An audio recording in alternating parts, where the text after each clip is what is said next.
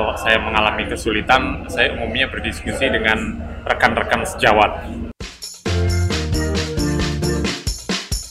Hi guys, welcome back to Hot Days. How to find the ways with Levilo. Oke, kembali lagi ya di podcast kita kali ini dan kita kedatangan oleh uh, satu expert dan satu praktisi bisnis yang luar biasa sekali yaitu Pak Hendy Stiono. Ya? Hai, apa kabar Andreas? Baik, Pak Panggilnya Hendy. Mas Hendy aja dong. Oh, Mas Hendy aja ya. Kan seumuran dia. Kan seumuran ya. Aku. Nah, jadi kita uh, kali ini akan uh, sharing, Yes. uh, Pak Hendy akan sharing Ya. bagaimana sih uh, prosesnya untuk bisa uh, membesarkan Baba Raffi dari nol, Ya. kendala-kendalanya apa aja, Oke. yang semoga bisa menginspirasi para pendengar atau penonton YouTube di sini. Uh, untuk mereka yang agar bisa sukses juga di bisnis ya gitu. Amin. Oke. Nah, waktu itu saya juga uh, saya pribadi waktu itu dulu dulu banget mungkin Pak Endi lupa saya pernah message Pak Endi di DM Oh iya, gitu. DM pas ya? lagi Oke. pas Pak Endi sharing lagi di Bontang waktu itu Di Bontang. Vidatra. Oh. Wah. Oh, iya, iya, Saya iya. DM Pak Endi, saya juga dari Bontang, saya dari YPK waktu Oh, itu. emang alumni sesama dari Bontang? dari Bontang Oh, kita Pak Endi ya. Dan Iya, apa iya, namanya iya. dari situ, oh baru tahu kalau Pak Endi ternyata dari Iya, uh, iya, Bontang iya. juga Sama kayak gitu. anak Kalimantan Timur ya, Kalimantan ya. Timur. Tapi Oke. masih sering ke Bontang juga Pak Endi. Iya masih masih. Masih sering ya? Iya karena saya dulu kecilannya di sana, ya sekolah besar di sana sampai SMP. Saya lulus SMP, SMA kelas 1 baru pindah dari Bontang ke Surabaya. Jadi Oh, ya banyak kesan-kesan dan me- memori-memori yang uh, ber- yang Berkesan ini ya. berkesan sekali selama saya di Bontang dan sekolah ya yang terkenal dan favorit di di Bontang hanya dua.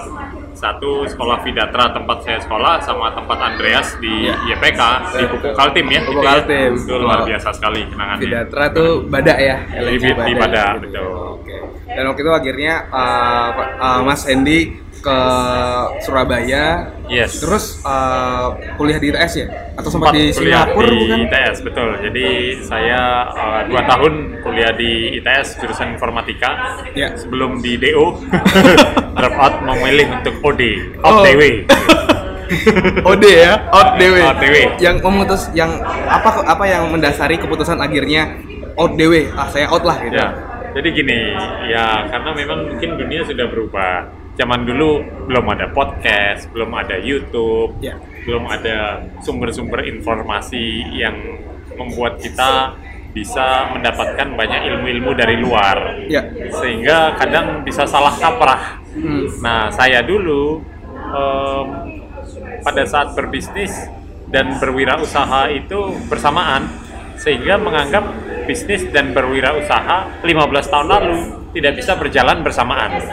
Jadi bisnis itu saya anggap eh, kalau mau sukses harus fokus. Oke. Padahal zaman sekarang justru kalau eh, mahasiswa itu keren kalau justru mereka lulus kuliah, tapi bisnisnya juga jalan. Jalan juga.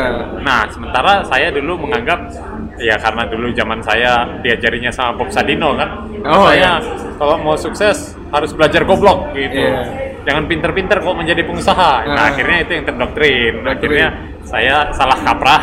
Ya akhirnya saya OD, out, out BW, dan fokus jadi pengusaha. Tapi sebenarnya itu bukan contoh yang baik harus saya akui karena kenapa? Justru anak muda sekarang punya pilihan lebih banyak. Oh, Mereka walaupun kuliah bisa berkesempatan jadi wirausaha sukses dan mendapatkan ilmu-ilmu bisnis yang walaupun jurusannya bukan di pendidikan jurusan bisnis. Hmm. Misalnya dia mau uh, anggaplah uh, jurusan perikanan, Ya. dia tetap bisa mengambil uh, pendidikan tentang bisnis dari podcast, dari Belajar YouTube, informal ya. belajar secara informal, belajar dari luar, yang kemudian itu terapkan, yang kemudian digabungkan dengan ilmu secara basicnya di perikanan, eh bisa jadi dia jadi pengusaha tambak yang sukses, berusaha perikanan yang sukses, dan akhirnya menjadi mendunia juga. Iya. Itu salah satu itu. mm-mm.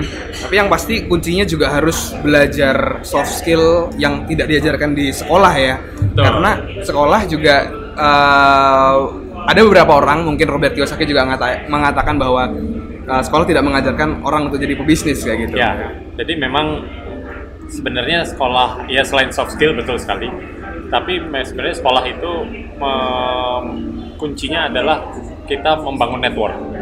sekolah untuk bangun network ya. sekolah untuk membangun network karena sebenarnya bisnis itu terjadi karena networking bisnis itu nggak mungkin jalan sendiri Yes. bisnis itu terjadi karena ada kolaborasi Ya. walaupun kita memulai bisnis sendiri tapi kita tetap perlu supplier kita tetap perlu vendor tetap perlu karyawan sehingga tidak dikerjakan semua sendiri Hmm. sehingga networking itu sangat membantu percepatan bisnis kita nah dari mana network dibangun dari lingkungan terdekat Hmm. lingkungan kampus lingkungan pertemanan lingkungan misalnya organisasi BEM lingkungan organisasi di sekolah kita, di kampus kita, sehingga dari situ terbangunlah eh, mutual trust, terbangunlah eh, simbiosis mutualisme yang ternyata dari situ kita bisa menyeleksi mana teman-teman yang kira-kira memiliki minat yang sama, Ah. memiliki bakat-bakat entrepreneurship yang kemudian justru siapa tahu bisa jadi partner bisnis dan co-founder yang sekarang banyak bermunculan dari teman-teman kampus yang sama-sama memiliki Iya. interest yang sama. Betul sekali. Kalau sendirian, malas networking juga agak susah ya. Ya, Kerja jadi- sendirian gitu. Ya, dia kok kuliah cuma ngejar nilai doang mah, ya dapatnya cuma IPK doang. IPK Tapi kan doang. tujuannya kan nggak ke sana. Iya. Tujuannya bagaimana kita selain mengejar ilmu, tapi sosialisasi networking juga Iya. secara luas. Oke.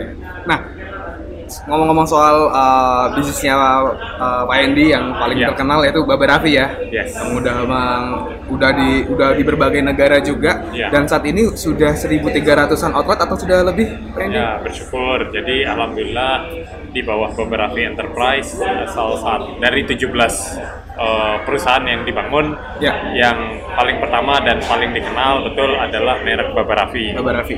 Baba Raffi sendiri adalah kebab yang sudah berjalan selama 16 tahun beroperasi sebanyak 1.300 outlet Ya. di 11 negara. Wow. Bersyukur.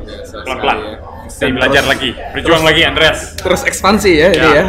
menyerah, pantang menyerah.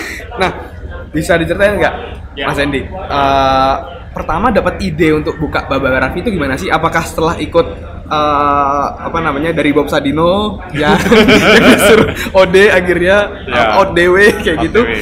eh, langsung dapat ide Ya. untuk kebab atau dari mana idenya itu awalnya?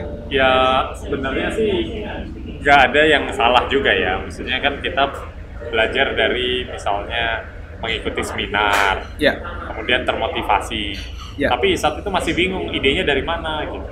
Sampai satu ketika saya berkunjung ke Qatar, mengunjungi orang tua saya di Timur Tengah, melihat banyak yang berjualan kebab, hingga akhirnya terinspirasi buat saya memulai bisnis kebab saya sendiri. Eh, dari menu makanan yang saya temui di Qatar, eh ternyata kok booming. Oke. Barulah akhirnya di situ saya uh, memutuskan buat berjualan di Surabaya dari satu gerai kecil yang saya mulai dengan modal 4 juta rupiah. Ya. Kok delalah ternyata booming, rame, bagus.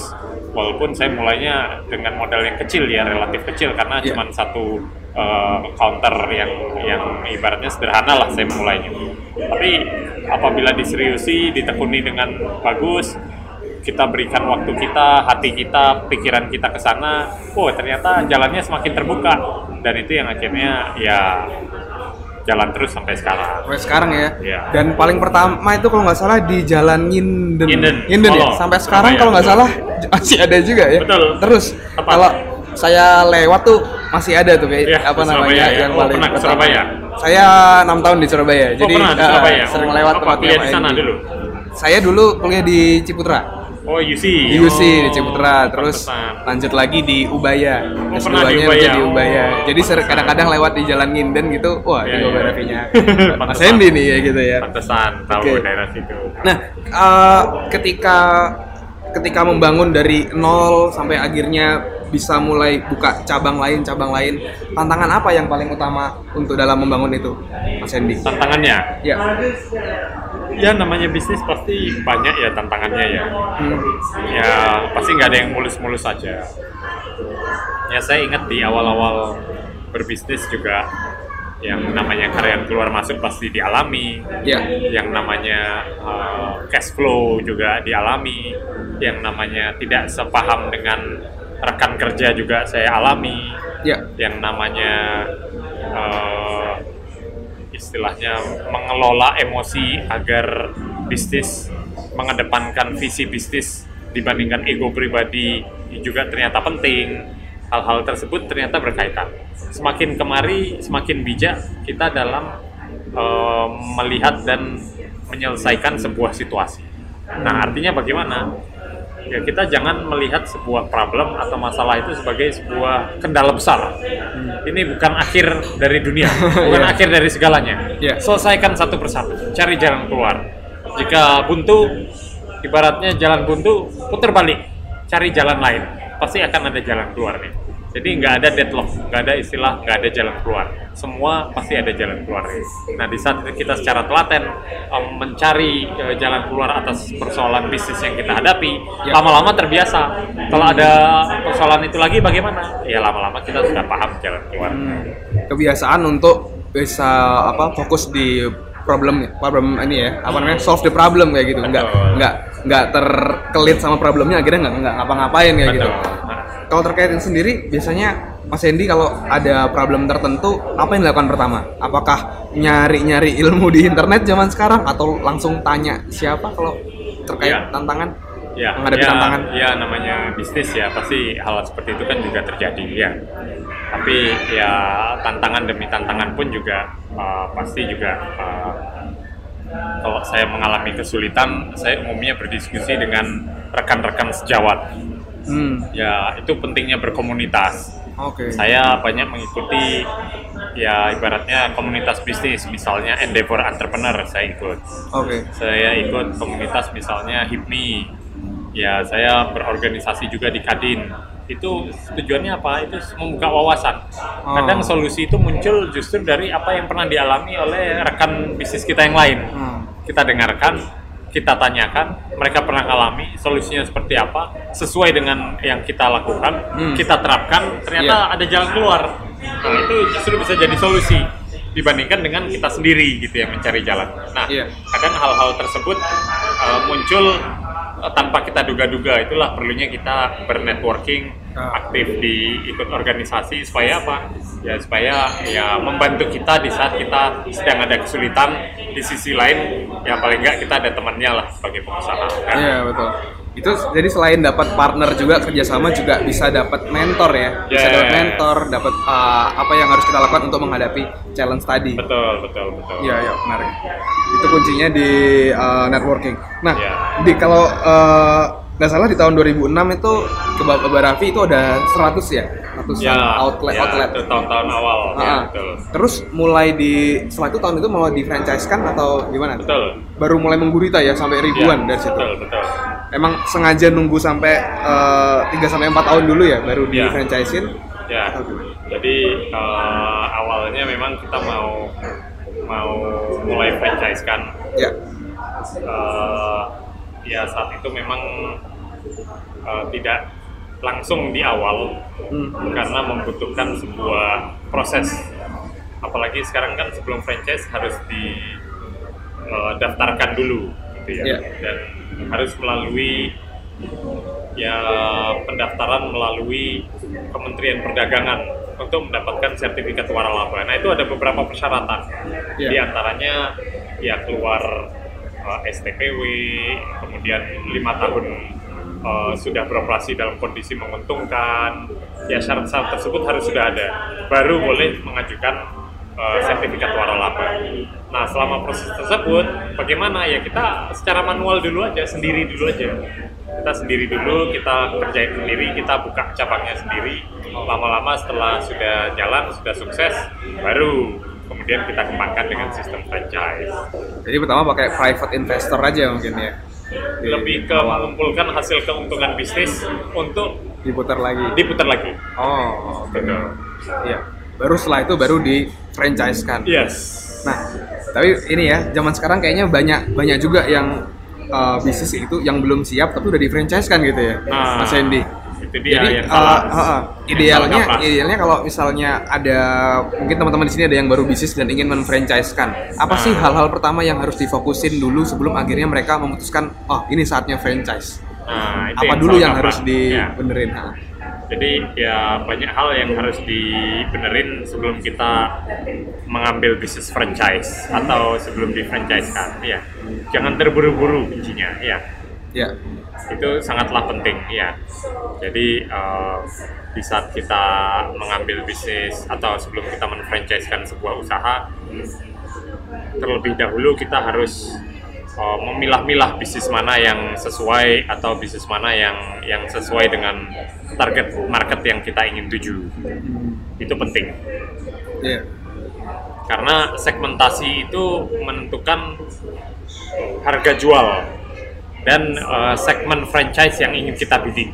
Nah, baru setelah kita sudah menentukan segmen franchise yang mau kita bidik, baru dari situ kita bisa menentukan eh, membuat kalkulasi berapa lama sih bisnisnya bisa kembali modal atau berapa lama sih bisnisnya bisa eh, berjalan gitu. Nah, setelah bisnisnya sudah dibuat eh, sebuah proyeksi dan kalkulasi bisnis perhitungan kapan balik modal, baru di situ kita leverage lagi secara lebih luas. Kira-kira Oh. begitu. Ya, ya, ya. Itu untuk itu sebelum kita franchise ya, itu Iya. hal yang harus difokusin. Betul. Ya. Dan sekarang eh, setelah ada Abang Raffi dan sekarang mulai melebarkan sayap ya. Kalau nggak salah waktu itu saya lihat Mas Endi juga eh, muncul di storynya Arif Muhammad. ada Arif ya, Arif ya. partner saya, teman baik saya. Nah, itu ada ada eh, bikin bisnis bareng juga ya. Ya, ya. Jadi ya, ya Arif, dia sama Arif kita bikin bisnis namanya Kekinian. Ya kinian, ya. Jadi eh, inisiasinya di sini juga di tempat ini persis di Citos Oh, oh di, ya? di Oh. cafe ini. Oke. Kita membuat ide untuk bikin kue YouTubers dan akhirnya lahirlah Kekinian tersebut. Kekinian ya. Eh, Alhamdulillah sekarang udah jalan ada belasan cabang Ah, ya. dan sudah mulai di franchise-kan brand Kekinian itu sendiri.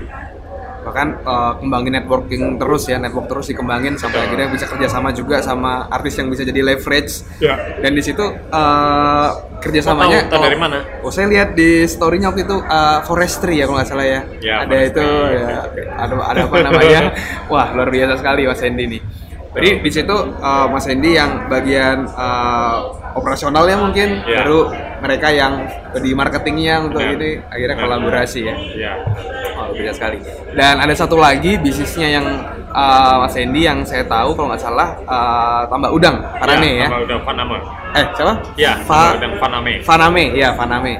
Nah, Betul. di situ juga uh, dan itu Kerja juga, sama juga itu. kerja sama juga sama Caron Pokpen, Ya, sama CP. sama CP dan juga kerjasama juga terkait apa namanya uh, ibaratnya fundingnya ya Betul. dengan B-share gitu ya. Ya, salah satunya, Salah satunya crowdfund, crowdfundingnya sama Bisa. Pokoknya bisa Itu Oh, uh, ngikuti ya? Ngikutin Ngikuti. saya. Hebat, hebat, hebat. ada apa namanya uh, ketika ketemu sama foundernya uh, Bishare juga share kayak gitu. Oh, sama sama Pak Edi kayak gitu. Hendrik macam-macam. Vincent, hebat Henry, Henry Vincent, luar biasa. Anak muda, hebat. Anak muda hebat. Andreas umur berapa sekarang? Saya 26, Oh, masih muda. masih muda ya. Kalau Mas Hendy kan 28 ya. Kau udah 36, udah 10 tahun di atasmu Andreas. Tadi katanya seumuran. Wih, Oke. iya, iya. Nah, terakhir nih Mas Hendy, Eh, kalau misalnya nih eh, di di hadapan Mas Hendy ada anak muda usia Yes. 23 baru lulus Yes. dan dia ingin berbisnis. Yes. Nah, tiga saran apa, nasihat apa yang bisa Mas Hendy berikan kepada anak muda anak tersebut? muda. Hmm, apa ya? Tiga saran buat anak Ya. muda. Optimis. Jangan mudah menyerah. Ya, Forward thinking. forward thinking. Kenapa? Karena generasi muda kita adalah aset bangsa. Ya, jangan jadi generasi muda yang gampang galau, gampang terpengaruh sama isu-isu negatif, gampang memecah belah bangsa, sehingga bangsa kita gampang buat tercerai-berai. Tapi jadilah generasi yang optimis, yang terus mengejar mimpi, sehingga kalau menjadi entrepreneur sukses, modal tersebutlah yang akan membawa kita dan bangsa kita menjadi bangsa yang lebih maju lagi. Generasi optimis 4.0. 4.0 siap. Oke, thank you Mas Hendy ya Mantul. atas ngobrol-ngobrolnya. Nah, tapi sebelum itu teman-teman juga bisa jangan lupa untuk follow Instagramnya Mas Hendy Ya, di Instagramnya di Hendy Stiono. @hendystiono nyambung ya, nyambung aja Ya, langsung nanti di kalau sudah follow atau ini sudah dengerin podcast ini bisa di sambil di story ya. Nanti Yes. saya repost. Wah, kalau ini kalau ada yang udah denger nih di story di repost, mention di hand, at Hendistiono, Ya, sambil akan di repost ya.